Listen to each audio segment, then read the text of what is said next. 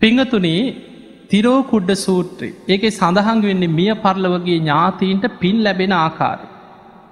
ඒක බොහොම ලස්සන ඉතිහාස කතාවක් තියෙන තිරෝකුඩ සූත්‍රය. ඒ තමයි මීට කල්ප අනූ දෙහෙකට පෙර පුස්ස කියල බුදුරජාණන් වහන්සේ නමක් වැඩ හිටිය. එකැන මේ කල්ප අනූ දෙහෙකට කලින්. පුස්ස බුදුරජාණන් වහන්සේගේ කාලේ දඹදීව බොහෝම සද්ධාවන්ත රජ කෙනෙක් හිටිය. මේ රජ්ජුරුව තමයි මුළු දඹදිව තලේම එක්සේ සත්ව පාලනය කරපු රජ්ජුරු. ඔය ධර්මාසෝක රජ්ජුරුව මුළු දඹදියෝම එක්සේ සත් කළ පාලනය කරී. ඒ වගේ දා පුස්ස බුදුහාන්දුරන්ගේ කාලෙ මුළු දඹදියෝම් පාලනය කර එක රජකෙන. ඒ රජ්ජුරුව පුදුම සද්ධහවන්තයි. දවස ගානි බුද්ධ ප්‍රමුඛ සංඝයා කොහෙද වඩින්නේ කොහෙද වැඩඉන්නේ රජ්ජුරුවම දන් දෙනවා. වෙන කාටවත් දන් දෙන්න දෙන්නේ රජ්ජුරුවම දම්පින්කං කර. නගරවාසීම් පවාදැන් රජ්ජුරුවන්ට විරුද්ධව මාලිගාව ඉදිරියේ නොයෙක් විදිහට තමන්ගේ දුක කියන වනේ අපිට පිනක් කරගන්න දේ. අනේ අපිටත් දානයක් දෙන්න දේ. එතකොට රජ්ජුරුව කියනවා රටවැස්සේනි මන් දම්පින්කං කරන්නේ නුඹලාගේ අයබදු මුදල් වලින්. ඒ නිසා මං කරන පින් සියල්ල නුබල අනුමෝදංවේ. අවසානි රජ්ජුරුවන්ගේ රාජ කුමාරුරු තුන් දෙනෙක් හිටියා වැඩිමහල් පුතාට හිටියා අමාත්‍යවරු පන්සීය. දෙවනි රාජකුමාරයට හිටිය යාළුමිට්ට අමාත්‍යවරු තුන්සිය. තුන්ගනි රාජකුමාරයට හිටිය යාළුමිට්ට අමාත්‍යවරු දෙසිය. මේ රාජකුමාරරු තුන් දෙනාට තමයි රටේ විශාලම ප්‍රදේශ තුනක් පාලනය කරන්න රජ්ජුරුව පවරලතිී. මේ රාජකුමාරරු තුන් දෙනා දවසක් එකතු වෙලා කතා වුණා බුදු කෙනෙක් පහළ වෙලා. දහස් ගනන් සංඝයා සමඟ දඹදිව් තලී වැඩඉන්නවා. අපේ පියරජ්ජුරු හැමදාම දන් දෙනවා අපිටවත් දානයක් දෙන්න දෙන්නේන. රාජකුමාරුරු තුන් දෙනා දවසක් පියරජ්ජුරු ළඟට ගිහින් කිව්වා පියරජතුමනේ අනේ අපිටත් බුද්ධ ප්‍රමුඛ සංඝයාට දන් දෙන්න අවස්ථාවත් දෙන්නකි. එතකොට රජ්ජුරුව කියනවා දරුවනී මන්දැම් වයසයි කියෝ. මං මැරුණට පස්සේ නුඹල ඇති තරන් දම්පින්කං කර ගනිල්ලකි. එතකොට රාජකුමාරුරු කිව පිය රජතුමනී රජ්ජුරුව ඉස්සර වෙයිද අපි ඉස්සර වෙයිද කවුද්දන්න මරණයට වයිස බේදයක් නෑකි. රජ්ජුරුවන්ට හිතුන ඒකත් ඇත්ත. එහෙම නම් දරුවනේ මාසේ මාසේ මාසේ බැගින් නුබලට මං මාස තුනක් දෙන්නම් කිව දම්පින්කං කරත්. කැමති මාස තුනක් තුන් දෙනා වෙන වෙනම ඉල්ලන්න කියෝ. තුන් දෙනාම කතා වුණා වස්මාස තුන එකතු කරලා ගමු කියල. එහෙම කතා වෙලා කිව පිය රජතුමනි අපි තුන් දෙනාම එක ළඟ මාස තුනක් වස්මාස තුන අපිට දෙන්නකිව පින්කං කර. හොඳයි කියෝ. එහෙම නං ඊළඟ වස් කාලේ වස්මාස තුන දරුව තුන් දෙනාට වෙන් කරලා දුන්නත් ඇති ඇති විදිහට පින්කං කරා. මේ රාජ කුමාරුරු තුන් දෙනාම ගිහිල්ලා තමන්ගේ රාජ්‍ය තුනම මැදිවෙන විදිහට ලස්සන භූමියක් තිබ. මේ භූමියට තමන්ගේ බාණ්ඩාගාර තුනේම මුදල් යොදෝලා විශාල ආරාමයක් හැදෙව්ව. බුද්ධ ප්‍රමුඛ දහස් ගණන් සංඝයාට වැඩයි නංග සම්පූර්ණ ආරාමයක් කෙරෙව්. ඔය ආරාමි කරනකොට ඔය නගරෙම හිටිය පිරිසක් ඕකට බනින. එහෙමයි නැද්ද. මේ රජ්ජුරුවන් මේ මිනිස්සුගෙන් අය බදු එකතු කරලා මේ නිකම් පින්ඩ පාති ඇවි දැවිද ඉන්න ශ්‍රමණයන්ට බේහම් ගොඩ නැගිලි හදනවා මෙච්චර ලොකු ආරාම හදනවා ඔය ගල්ලනක ගහක් යට හිටිය හම මොකද කියලා දැම් බනිනවා. බොහෝම ලස්සන ආරාමයක් හැදුව.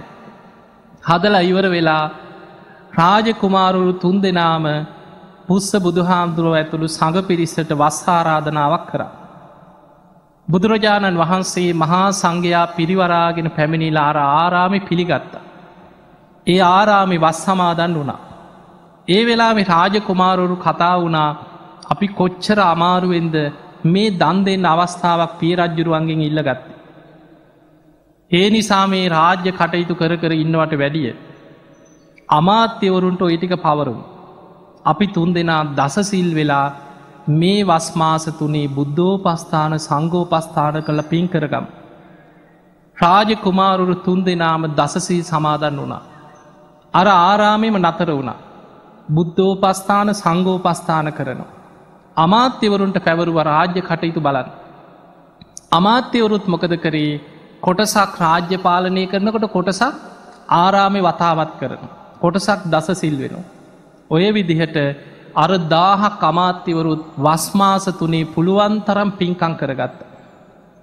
ඔය අතර දැම් මේ වස්මාස තුනේ රාජකුමාරුරු තුන් දෙනාම දසසිල් වෙලා. අමාත්‍යවරුත් දම්පින්කං කරන. හැබැයි මේ රාජ්‍ය තුනේම ගබඩාවල් පැවරුවා එක අමාත්‍යවරයකුට ඔහු බෝහම සද්ධාවන්ත විශ්වාසවන්ත කෙනෙ. ඔහුට පැවරුවා රාජකුමාරුරු තුන් දෙනාම ගබඩාවල් වල ධනය පැවරුවා. ඇති තරං වස්තුව තියෙනවා. මේ වස්මාස තුනේ කිසිම අගහිගයක් නැතුව බුද්ධ ප්‍රමුඛ සංඝයා වෙනුවෙන් දම්පින්කන් සූදානන් කරන්න කිව ඔහුට ශ්‍රීසිසේ. ඒ විතරක් නෙමෙයි නගරවාසීන්ට දුගී මගේ යාචකයන්ට මිනිස්සුන්ට දන් දෙන්න කිව. දැන් සියලුම බලතල එක අමාත්‍යවරයකුට පවරලක් ගබඩාවල සම්පූර්ණ යතුරු දුන්න ඔහුට. ඔහු සද්ධහවන්තයි. දැන් අර නගරි පිරිසක් හිටියන ඕකට බැන බැන මේ පිරිසට දැම් පුදුම කේන්තියක් බුද්ධ ප්‍රමුඛ සංඝයාව දැම් මේ දහස් කනන් සංඝයාව ආරාමක නවත්තගෙන දන් දෙනවා දන් දෙනවා පුදුම කේන්තියක්. හොමයි නැද්ද ඉන්නවා. ඕකට බැන බැනා ඉඳල කල්පනා කරා බනිනවට වඩා අපිත් ගිහිල්ලා ඔය තියෙන වස්තුව අපේ ගෙවල්වලට අදින. ඕකට හොඳම දේ තමයි උදව් කරන සුරූපෙන් ඔතන්ට යනක. අපි කියැන කපන්ඩ බැරි අත ඉබිනව කිය. ඒ වගේ දැන් අර බැන බැනා හිටපු පිරිස ගියා. ගිහිල්ලකි අනේ කොච්චර දෙයක් ධනේ බුද්ධ ප්‍රමුඛ සංඝයාට දන් දෙනේ අනේ සාදු අනේ සාදු අපිත් එනවා කිය. අපිත් එනවා උදව් කරන්න. අපිත් ඔය උයන්ට පිහන්ඩ පින්කං කරන්න ලෑස්ති වෙනවා කියලා පිරිස එකතු කරගත තවතාව කට්ටියටික වරි ලම්බලත් වරල්ල බලත් ගෙනී පල්ලකි. කට්ටිය එකතු වෙලා අසූහාර දහසක තරම් පිරිසක්. එකතු වෙලා අර ගබඩාවල තිබ්බ රාජ්‍ය ධනය කොල්ල කෑව කියන. අර වස්තුව කොල්ල කෑව. ගෙවල්ලෝට ඇද්ද සමහරයෝ. ඊළඟට දම්පින්කං කරන්න දානයට ඔක්කෝම සූදානන් කරද්දී බුද්ධ ප්‍රමුඛ සංඝයාට දන් දෙන්න කලින් මේ අය ඒවා කන්න බොන්න පටන් ගත්තා කිය. ඔය ඉන්න ශ්‍රමණයන් කන්න කලින් අපි කාලා ඉන්න පෑ කියලා අර පිරිස කනව බොන අර උයන පිහෙන දානවස්තු. අපේ ළමයි බඩකින්න තිීල හරියනවාද. මේ ළමයින්ට කන්න දීපල්ල කියලා අර බුද්ධ ප්‍රමුඛ සංඝයාට දන් දෙන්න පෙර ළමයින්ට කවනු. ඔය විදිහට මේ පිරිසම අර දාන වස්තුව හොරාකමින් සමහරු දාන බඩු ගෙවල්වලට ඇද්ද කියනවා ගබඩාය වස්තුව හොරාකෑව රාජ්‍ය ධනය රාජ කුමාරවරුන්ගේ කිසිම අවසරයක් නැතුව අර අමාත්‍යවරයට හොරෙන් අර සද්ධාවෙන් දම්පින්කන් සූදානන් කරපු අමාත්‍යවරයන් නොමගේ අවයාව දානවස්තුව අර ගබඩාවල තිබ බාණ්ඩාගාර වස්තුව හොරාකෑව. ඔන්න ඔය අකුසලෙන් අසූහාර දහත් තරම් පිරිස මරණින් මත්තෙ කෙලින්ම නිරේකට වැටෙනවා. අකුසල විපාක භයානකකම මේ දේශනාවෙන් බලන්න පුළුවන්. පිංහතුනේ කල්ප අනූ දෙහෙකට පෙර ඔය අකුසලේ කරගත්ත. අපායට වැටිලා කල්පයක් දෙකක් තුනක් නෙමෙයි. කල්ප අනුව එකක් අපායෙන්ම ගොඩාවි නෑ කිය. අපායෙන් අපායට. නිරෙන් නිරේට වැටි වැටි කල්ප අනුව එකක් අපායි පැහුට. ඔය ප්‍රේත පිරිස. ඔය නිරි සත්‍යයෝ. දැන් ඔහොම අපායි පැහිලා පැහිලා පැහිලා මේ මහා බද්්‍ර කල්පය ආරම්භ වෙනකොට. කෞද මේ මහා බද්්‍ර කල්පයේ මුලින්ම පහළවෙච්ච බුදුරජාණන් වහන්සේ. කකු සඳ බුදුරජාණන් වහන්සේ. කකු සඳ බුදුරජාණන් වහන්සේ පහළ වෙනකොට අර නිරි සත්‍යයෝ ටික කල්ප අනුව එකක් අපායි පැහි පැහි හිටපු පිරිස අපායින් චුත්ත වෙලා ප්‍රේතලෝකෙ පහළ වුණ. එක රොත්තක් අසුහාර දහත් තරක් ඇට සැකිලි වගේ ප්‍රේතයෝ ප්‍රේතලෝකෙ පහළ වුණ. නිරෙන් චුත වෙලා ප්‍රේතලෝකෙටාව. මුළු ඇඟම දනවා පිච්චෙනවා. සාපිපාසාාවේ මුළු ඇඟම වේලුම් කනව. ඔළුවට නිකං කටුවනිනවා උල් අනිනවා වගේ වේදනා ඇති වෙනවාකි. බඩ පපුුව දනවා. පින් ගන්න බෑ. කිසිම කුසගින්න නිවාගන්න දෙයක් ගන්න බෑ. ඊට පස්සේ කකු සඳ බුදුරජාණන් වහන්සේට දවසක් පිරිසක් දානයක් දීලා තමන්ගේ මියගේ ඥාතීන්ට පින්දීපු වෙලා බොහෝ ඥාතීන් පින් අරගෙන සුවපත් වුණ. මේක බලාගෙන හිටිය අර ප්‍රේත පිරිස. බලාගෙන ඉඳල දවසක් කකු සඳ බුදුරජාණන් වහන් සිද්ධී පෙනීඉදල දුක කීවා. අනේ සාමීනයේ ඒ දේශනාව තියෙනවා විශාල ප්‍රේත පිරිසක් ඇට සැකිලි වගේ වස්ත්‍රයක් නෑ මේ ප්‍රේත පිරිස ඇවිල්ල සමහරු පපුුවට ගහගත්ත කියල. සමහරු බිම හැපුණ කියල. සමහරු උඩු බැලි අතට පෙරලෙන ඔළුවට ගහගන්න. කියනවා ස්වාමීණී අපේ ඇඟ දනවකින අපේ ඔළුවට උල්ලනිනවා වගේ. අපේ මුළු ඇඟම පිච්චෙනවා. අනේ අපි සාපි පාසාාවෙන් වේදනාවක් විඳිනවා. අනේ මහා කාරුණිකයන් වහන්සේ. අපි ගැන අනුකම්පා කරල අපිට පින් ටිකක් දෙන්නකි අපිෝ මේ ආත්මින් ගලවන්නකි. බුදුවරු මහා කාරුණිකයි. මහා කාරුණික කකු සඳ බුදුරජාණන් වහන්සේ බැලුවා පින්ගන්න බෑ. මේ ප්‍රේතයෝ කිසිම කෙනෙකුට පින්ගන්න බෑ. අකුසල් බලවත්තාම. කකු සඳ බුදුරජාණන් වහන්සේ වදාළ ප්‍රේතයිනේ නුබලට මගේ බුද්ධ ශාසනයේ පවතිනතා අනාගතයවත් පින්ගන්න බෑකිව. ඊළඟට පහළ වෙනවා කෝනාගමන කියලා බුදු කෙනෙක්. ඒ කාලෙ උත්සාහ කරල බලන්න කියෝ වෙන කරන්න දෙයක් නෑකි. දැන් කකු සඳ බුදු හාන්දුරු පිරිනිවන් පාලා බුද්ධ ශූන්‍ය කාලෙක් ගෙවිලා කෝනාගමන බුදුහාන්දුරු පහළ වෙනකන් තාම ප්‍රේත ලෝක අර වේදනාවම විඳවිඳ ඉන්න චුත වෙන්න. දැන් හිතන මනුස්සයකුට කන්න නැති වුණොත් දවස් හයහතක් යනකොට මැරෙනවා. ප්‍රේතයෝ හෙම නෙමෙයි අවුරුදු කෝටි ප්‍රකෝටි ගනන් බුද්ධාංකුර ගනන් සාපිපාසාාවෙන් වේදනාවින්ද විඳ කෑග ගහ විලාපදිදී ඉන්නවා චුත වෙන්න. කර්මය ගෙවෙනකන් චුත වෙන්න සියුම් ශරීරයක්න. කෝනාගමන බුදුහාන්දුරු පහල වුණ ඔන්න මේ මහා බඩ්ඩ කල්පේ දෙවනි බුදුහාන්දුරු. මේ ප්‍රේත පිරිස කෝනාගමන බුදුරජාණන් වහන් සිදිරිත් පෙනේ හිටිය. පෙනීඉදල අර විදිහටම දුක කීවා සමාරු පපුූට ගහගත්තා බීම හැපුුණා වැලපුුණා ඔළුවේ අත් ගහගත්තා අනේ සාමීනී අපි කකු සඳ බුදුහාන්දුරන්ගෙනුත් පින් ඉල්ලවා. ඔබවහන්සේවත් අපිට අනුකම්පා කරන සේක්වා. අනේ අපිය සාපි පාසාාවෙන් අත්මුදෝන සේක්වා කියලා කෝනාගමන බුදුහාදුරන්ගෙන් පිංඉල්ලු. ඒ බුදුරජාණන් වහන්සේත් මහා කරුණාවෙන් බැලුවා පින්ගන්න බෑ තාම අකුසල් බලව. ඒ වෙලාවිකව ප්‍රේතයිනි නුබලට මගේ බුද්ධ ශාසනයේ පවතින තා පින්ගන්න බෑකි වනාගතය බලන. ඊළඟට පහළ වෙනවා කාශ්‍යප කියලා බුදු කෙනෙ. ඒ කාලෙ උත්සාහ කළ බලන්න කිය. දැන් ඔන්න බුද්ධාංකුරු දෙකයි. තුන්වැනි බුදු හාන්දුරුව පහළ වෙනකුණුත් අර විදිහටම ප්‍රේතලෝක. අර වගේම දුක්විඳලා විඳලා ඊළඟ බුදුහාන්දුරුව පහළ වෙනකොට කාශ්‍යප බුදුහාන්දුරු ඉදිරිත් පෙනී හිටිය. ඔළුවට ගහගන්නවා බිම හැපෙනවා පපුුවට ගහගන්නවා විලාප දෙනවා කාශ්‍යප බුදුරජාණන් වහන්සේ ඉදිරී පෙනීදල දුකකී වනේ ස්වාමීනී අපි මීට පෙර පහළ වෙච්ච කකු සඳ බුදු හාන්දුරන්ගෙනුත් පින් ඉල්ලුව. කෝනාගමන බුදු හාමුදුරු ඉදිරිත් පෙනීදල මේ වගේම පින් ඉල්ලවා. ඔබහන්සේවත් අපිව පින් ටිකක් අනුමෝදං කළ අනේ අපිය මේ දුක්හිත ආත්මෙන් ගලවන සේක්වා කියල පින් ඉල්ලවා. කාශ්‍යප බුදුරජාණන් වහන්සේ බැලුවා තාම අකුසල් බලවත්. බලන්න මේ රාජ්‍ය ධනය කොල්ල කනුවකෙන් කොච්චර අකුසලයක්ද කිය. එතකොට කාශ්‍යප බුදුරජාණන් වහන්සේ බලල කිව්වා ප්‍රේතයිනි නුබලට මගේ බුද්ධ ශාසනයේ පවතින තාක් පින්ගණ්ඩ බෑකිව. හැබැයි බැලුව අනාගතයේ පින් ලැබෙනවත්. ඊළඟට පහළ වෙනවා ගෞතම බුදු හාන්දුරු. ප්‍රේත අඩ කියන ප්‍රේතයිනේ ඊළඟට පහළ වෙනවා ගෞතම නමින් බුදු කෙනෙ.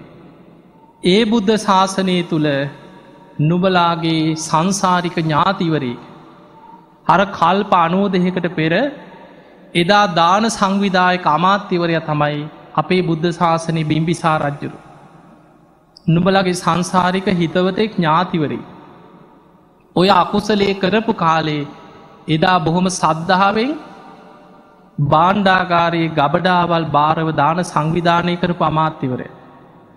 ඔහු ගෞතම බුදුහාන්දුරුව වෙනුවෙන් අනාගතය ආරාමයක් හදල මහා සංඝයාට දන්දීලා පින් අනුමෝදං කරයි. ඒ පින් අනුමෝදං වුණොත් නුබලට ඔය ආත්මෙන් මිදෙන්ට පුළුවන්කි. ඔන්න දැන් අස්හැසිල්ලක් තියෙනවා. දැම් මේක දැනගත්ත කාගෙන්ද. කාශ්‍යප බුදු හාන්දුරන්ගේ. ගෞතම බුද්ධ ශාසනය පින් ලැබෙයි කියල බලාපොරොත්තුවක් තිබ්බ. දැම් බලාගෙන හිටියා ඒ බුද්ධ ශූන්‍ය කාලික් ගෙවිලා. ඊළඟ බුදු හාදුරොත් පහළ වුණ අපේ බුදු හාදුරොත් පහළව. දැන් ඔන්න අපේ බුදුරජාණන් වහන්සේ පහළ වෙලා එදා හැට නමක් මහරහතන් වහන්සේලා ධර්ම ප්‍රචාරයට පිටත් කරලා බුදුහාන්දුරු වැඩම කරේ උරුවල් දනව්වට. උරුවල් කාශ්‍යප නදී කාශ්‍යප ගයා කාශ්‍යපත් ඇතුළු දාහක් පිරිස දමනය කර. ඒ දාහක් රහතන් වහන්සේලා පිරිවරාගෙන තමයි රජගහනුවරට වැඩි. පිංහතුනී එදා කල්ප අනෝදහකට පෙර බුද්ධ ප්‍රමුඛ සංඝයාට වස්සාරාධනා කරලා ඒ මාස තුනක් ආරාමයක් හදල දන්දීපු ඒ රාජකුමාරුරු තුන් දෙනා තමයි අපේ බුද්ධ ශාසනයේ උරුවල් කාශ්‍යප උරුවල් කාශ්‍යපට පන්සීයක් හිටිය. ඒ අර වැඩිමහල් රාජකුමාරයට හිටපු අමාත්‍යවරු පන්සීක පිරිස. නදී කාශ්‍යපට තුන්සීයක් හිටිය. ගයා කාශ්‍යපට දෙසීයක් හිටිය. එදා කල්ප අනෝදහකට පෙර අර පින්කම සිදු කරගත්ත පිරිස. අපේ බුදුරජාණන් වහන්සේ පුරුවල් කාශ්‍යප නදී කාශ්‍යප ගයා කාශ්‍යප ඇතුළු දාහක් රහතන් වහන්සේලා පිරිවරාගෙන රජගහනුවරට වැඩම කර. ඒ වැඩම කරපු ගමන බිම්බිසා රජ්ජුරුව බණහල සුවාන් වුණ. රජ්ජුරුව ඇතුළු බොහෝ රාජකය පිරිස බණහල ධර්මය අවබෝධ කර. බිම්බිසා රජ්ජුරුව බුදුරජාණන් වහන්සේට වැඳල කියනවා සාමීනී මට බුදුරජාණන් වහන්සගෙන් තොර ජීවිතයක් නෑ. මට ධර්මයෙන් තොර ජීවිතයක් නෑ. මට ශ්‍රාවක සංඝයාගෙන් තුර ජීවිතයක් නෑ. ඇයි අච්චල සද්ධාවට පත් වුණ. සෝවාන් පලට පත් වුණ. ස්වාමීනී භාග්‍යතුන් වහන්ස ඔබහන්සේ මගේ රාජ්‍ය තුළම මේ සංඝයා සමගින් වැඩඉන්න සේක්වා. මට ලස්සන රාජකය උයනක් තියෙනවා. වේලු වන උයන්. මේ උයන මම බුද්ධ ප්‍රමුඛ සංඝයාවෙනුවෙන් පූජා කරනවා. අපේ බුදුරජාණන් වහන්සේට ඉක්මනින් කුටි සෙනසුන් හදවලා වැඩයි නාරාමයක් හැටියට සකස් කරලා වේල් වනාරාමේ බුදුරජාණන් වහන්සේට පූජා කරන්නට යෙදුණ. ඒ තමයි මේ බුද්ධ ශාසනයේ පළවෙනි ආරාම පූජාව. දැම් මේ ආරාමි පූජා කරපු දවසේ. රජ්ජුරෝ මුළු නගරම සරසල තමන්ගේ රාජකිය උයන බුද්ධ ප්‍රමුඛ දහසක් සංඝයාට තමයි පූජා කරේ. කුටි සෙනසුන් හදවල අංග සම්පූර්ණ ආරාමයක් හැටියට පූජා කරා. එදා මහා දානයක් දුන්. දැම් මේ පින්කම කරන තාක්කල් බලාගෙන හිටිය බුද්ධාංකුර හතරක් පුරා ප්‍රේත පිරිසක්. පිංගන් අනේ අපිට දැම් පින්දේ අනේ අපිට දැම් පින්දෙයි කියලා වෙවුල වෙවුල බලාගෙන ඉන්න. අර වේදනාවෙන් ඔළුවට ගහගන්නවා පපුුවට ගහගන්නවා බීම හැපෙනවා කුසගිනි වේදනාවෙන් බලාගෙන හිටිය පින් දෙනකක්. බලන්න සමහර කරුම කියන්නේ සමහර දේවල් අතට ලැබෙන් ඇවිල්ල නැති වෙලාය කර්ම විපාකවට. බිම්බිසා රජ්ජුරුව මෙච්චර විශාල පිනක් කරලා.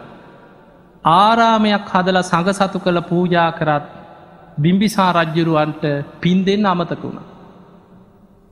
ඥාතීන් සිහිපත් කරලා වේලු වනේ පූජා කරත් පින් දෙන්න අමතක වුණ.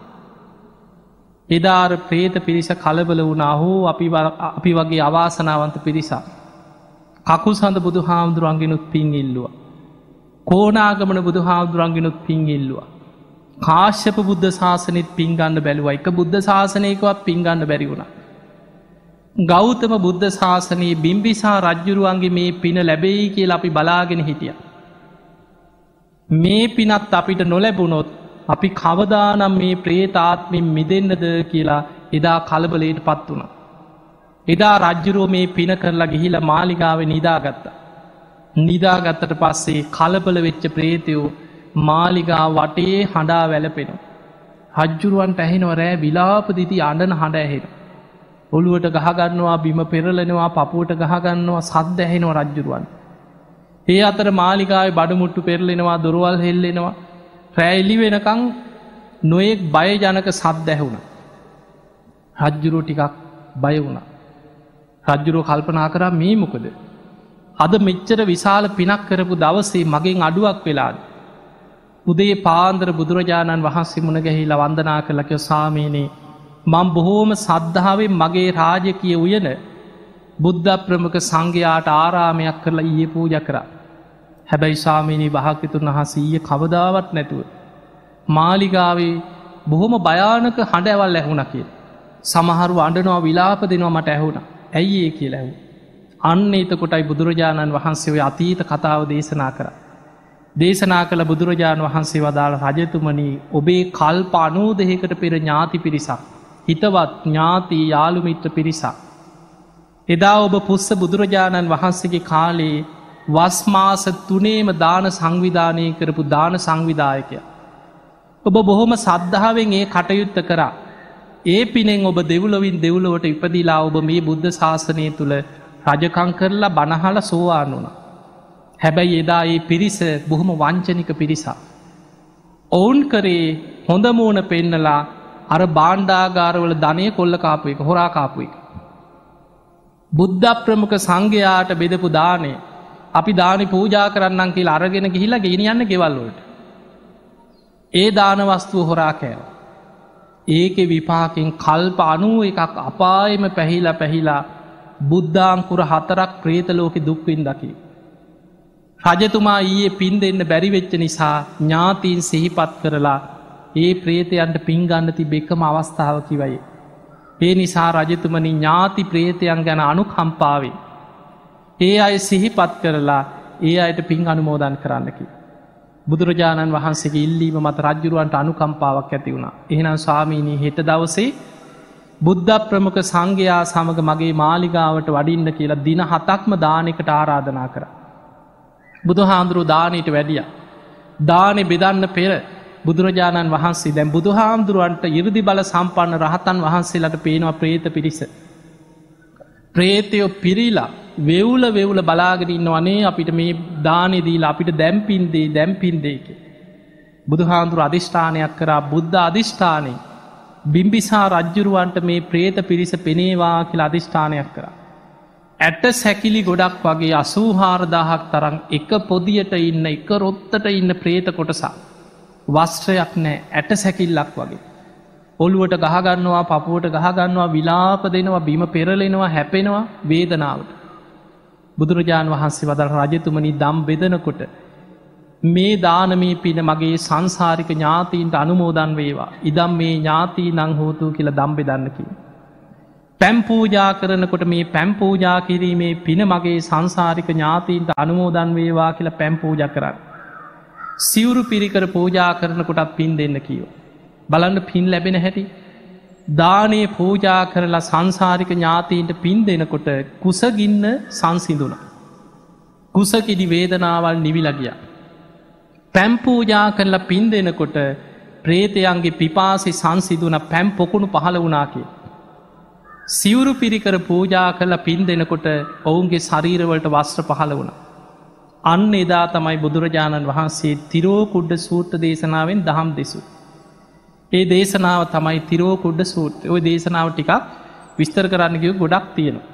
ඒ දේශනාව තියෙනවා මැරුණට පස්සේ ප්‍රේතලෝක උපදින ඥාති ප්‍රේතයන් තමන්ගේ පැරණි ගෙවල් දොරවල් හොයාගෙන එනවා කිය. ඔන්න දැන් කට්ටිය එනවා. ධර්මයක් නැතුව ජීවත් වෙලා මැරිච් අය ප්‍රේතලෝක ඉපදිලා පරණ ගෙවල් දොරවල් හොයාගෙන එනවා. ඇවිල්ලා වෙන දවගේ ගෙදර ඉට පුළුවන්ද. බෑ. ගෙට හැරෙන තුම්මං හන්දිය ළඟ නතර වෙනවා කිය. ගේ පේන මානේ හතරමං හන්දියක. වත්ත මුල්ලි දොරමුල්ලේ ගේ අයිනක අඳුරු තැනක් ඒ වගේ තැනක නතර වෙනවාකි. ඒ ගේ දිහා බලාගෙන හූල්ල හූල්ල ඉන්නවා. සමහර දරුවෝ අර දෙමවපිය හම්බ කරපු දේවල් කාලබීල විනෝද වෙනවා ගෙදර පාටිදානවා විනෝද වෙනවා නිකංවත් පින්ටිකක් දෙන්න ඕන කියල හිතෙන් නෑ කියන අරායගේ අකුසලේද. ඒ අය සසරෙ කරපු අකුසල්වලට දරුවන්ට නිකංවත් මතක් කෙන්න අනේ අපේ ඥාතීන් සිහි කළ පිනක් කරන්න ඕනෑ කියලා හිතෙන්නවත් නෑකි. එදකොට ඔය වගේ විස්තරයක් බුදුහාන්දුරුවයි දේශනාව විස්තර කරන ප්‍රේත කොටස් කැන විස්තර කරන දේශනා. ඔය දේශනාව තමයි තියෙන්නේ අද අපි පැං වඩනකොට කියන ගාථා දෙකක් තියෙනවනේ අද ඔය හැම තැනම් පැං වඩනකොට කියන්න යතාවා රිවහා පූරා පරිපූරෙන්ති සාගරන් ඒව මේ වයිතෝ දින්නම් පේතානං උපතප්පති ඔය ගාථාවල් තියෙන තිරෝකුඩ සූත්‍ර. ඒ දේශනාව තියෙනවා මිය පරලවගේ ඥාතීන් සිහිපත් කරලා අපි පින් කරලා පින් දෙනකොට. පින්ගණ්ඩ පුළුවන් ඥාතිී පින් අරගෙන සුවපත්තේ. හැමෝම පින්ගන්නෑ මතක තියාගන්න.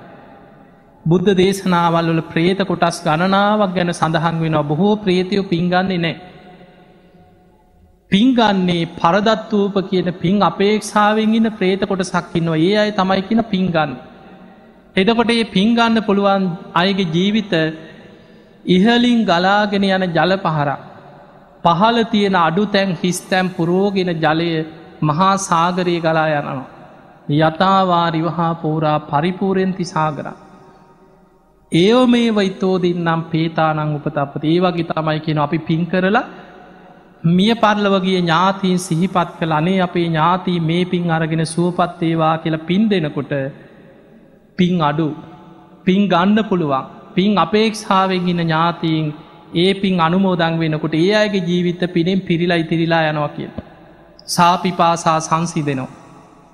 කුසගින්න සංසී දෙනවා. සමහරුන්ට වස්ත්‍ර පහළ වෙනවා. ඒ වගේ ඥාතීන්ට පිල්ල හැබැයි මතක තියාගන්න අපිට ඕන විදිහට ඒ ප්‍රේතයංව පින් අනුමෝදං කරලා ආත්මවලින් චුත කර අපිට ඕන තැන්වලට යවන්න බෑ. තම තමන් සසරය කරපු කර්මාරගෙන තම තමන් යන සංසාර ගමන. අපිට පුළුවන් තාව කාලිකව අර ප්‍රේතලෝක ඉන්න කාලය තුළ පින්දීලා යම් කාලෙකට සැපයක් ලබල දෙන්න පුළුවන් එච්චර. ඒක මේ වගේ. ඒක හැමදාම ලැබෙන්න්නෙත් නෑ. අපි කරන පිනේ ප්‍රබලතාවය මත ඒ සැප සම්පත් පහළ වෙන. ටික කාලයක් යනකොට පිනගෙවිල අවසන් වෙනකොට ආයි කලින් තැනට වැටෙනවා. ඒක මේ වගේ. අපි හිතමු හිඟන්නෙක් ඉන්නවා. පාරක යනකොට ඔයි සමහර හිඟන්න දැක්කම සමහරුන්ට හිතෙන වන්නේ අපේ අම්ම වගේ කෙන. හනි මේ මනුස්්‍ය අපේ තාත්ත වගේ. එහෙම දුක හිතෙන අවස්ථා නැති සමහරයි දැකලා. සාමාන්‍යෙන් ඔය ඔබියල් පහත් දහයක් දෙනවට වඩා සමහරු අනුකම්පා හිතිල නිකල් ලොකු මුදලත් දෙන අවස්ථාත්තිය. අපි හිතම කවරු හරි එහෙම හිඟන්නේ දැකලා අනේ පව් කියලා හිතිලා රුපියල් දාහක් දුන්න කියලා හිතා හිගන්නට දැන් ලොකු මුදලක්ද නැද්ද? ලොකු මුදලා සාමාන්‍ය කීයක් හරි ඉල්ලගෙන යන මනුස්්‍යයට රුපියල් දාහ අතර දීපුව හම ලෝකයක් ලැබුණ වගේ. බොහෝම සතුටක් ඇතිවෙන හැබැයි ඒ සතුට කොච්චර දවසත් තියෙනවද? වේල් හතරක් පහක්කයි අර සල්ලි ටික ඉවර වෙනකොට ආයි කුසගින්න දැනෙනවා ආයි අර පරණ තැනට වැටෙනවද නැද්ද වැටෙනවා. අපි පින් දෙනකොට පින් අනුමෝදං වෙන ප්‍රේතියෝ සතුටු වෙනවා. කුසගින්න සංසී දෙනවා. පිපාසේ සංසී දෙනවා වස්ත්‍ර පහළ වෙනවා. හැබැයි ඒ පිනේ විපාක ගෙවිල් අවසන් වෙනකොට ආයමත් කුසගින්න දැනෙනවා පිපාසි දැනෙනවා. ඒ නිසා දුගතිය කියන්නේ බොහොම භයානක දෙයක්. මිය පරලව ගිහිල්ල ප්‍රේතලෝක ඉපදිච්ච කෙනෙකුට අපිට පින්ටිකක් අනුමෝදං කරන්න පුළුවන් වුණාට අපිට ඕන විදියට ගලවල යවන්න බෑ. ඒ නිසා මියගේ ඥාතීන්ට පින් ලැබෙන ක්‍රමය තමයි තිරෝකුඩ සූට්‍රි සඳහන්වෙන්. පින් දෙන එක අපේ යුතුකම. පින් ගන්නවද නැද්ද වෙනම දෙයක්. පින් දෙන එක අපේ යුතුකම. ඒ නිසා පුළුවන් තරම් පින් කරන්න ඊළඟට මේ දේශනාවෙන් මතකතියාගන්න අපි බොහෝ වෙලාවට පින් දෙනකොට මතක් කරන්නේ. එක්කෝ අපේ අවුරුදු කීපයක් ඇතුළට මිය පරලවගියෙක් වනේ අපේ අම්මා. අපේ තාත් තාච්චිසීය සහෝදරය මතකතියාගන්න බිම්බිසා රජ්ජුරුවන්ගෙන් පින්ගන්න බලාගෙන හිටිය කල්ප කියකට පෙර නෑයුත් කල්ප අනූ දෙහකට පෙර නෑයෝ ඒ නිසා මේ ජීවිතේ මේ අවුරුදු කීපයක් තුළ මියගිය අය විතරක් නෙමෙයි අපෙන් පින්ගණ්ඩ බලාගෙන ඉන්නවා කල්ප ගණන් සසරි ඥාතීන් වෙච්චාය ඒ නිසා පින් දෙනකුට සිහි කරන්න කවද පින්කං කරලා ඥාතීන්ට පින්දුන්නත් ඒ නංකීපයක් එක්ක මේ ඥාතීන් ඇතුළු සංසාරගත වර්ග පරම්පරාගත සසරේ ඥාතීන් වෙච්ච පින් ගන්න පුළුවන් සියලු ඥාතිී මේ පින් අරගෙන සුවපත්තේවා කියලා පින්දෙන්. ඊළඟට පිංගතුනී මතකතියාගන්න දැම් පේනවන මේ දේශනාවෙන් මේ රාජ්‍ය දීපල හොරාකණ එක භයානක්කම තියෙනවනේ එකල එහෙම නම් දැන් ඉන්න සෙට් එකට කොහොම වෙයි කියලා හිතෙනවද. ඒ නිසා භයානකයි. කරම විපාක බොහෝ භයානකයි. ඒ නිසා කවදාවත් නොදුන් දෙයක් හොරකං කරන්න එප විශේසෙන් මේ රාජ්‍යදීපල කියනව විශාල අකුසලය. ඊළඟට සඟ සතු දේවත්. සංඝයාට වෙන් කරනේවා බුද්ධ ප්‍රමුඛ සංඝයාගේ දේවල් හොරා කෑවොත් දරුණු විපාක කල්ප ගණන් ගෙවන්න වෙනවා සසරි. ඒ නිසා අකුසල්වලින් වලකින්න පුළුවන් තරම් පින් කරන්න. සබ්භ පාපස් සකරන කුසලස් උප සම්පදා සචිත්ත පරියෝධපනං ඒතම් බුද්ධානු ශාසන. තිකුබ හැම දෙනාටම මේ ගෞතම බුද්ධ ශාසනය තුළ උතුම් වූ ධර්මීම අවබෝධ කරගන්න වාසනාව ලැබේවා ලැබේවා ලැබේවා කියලපි ආශීර්වාද කර.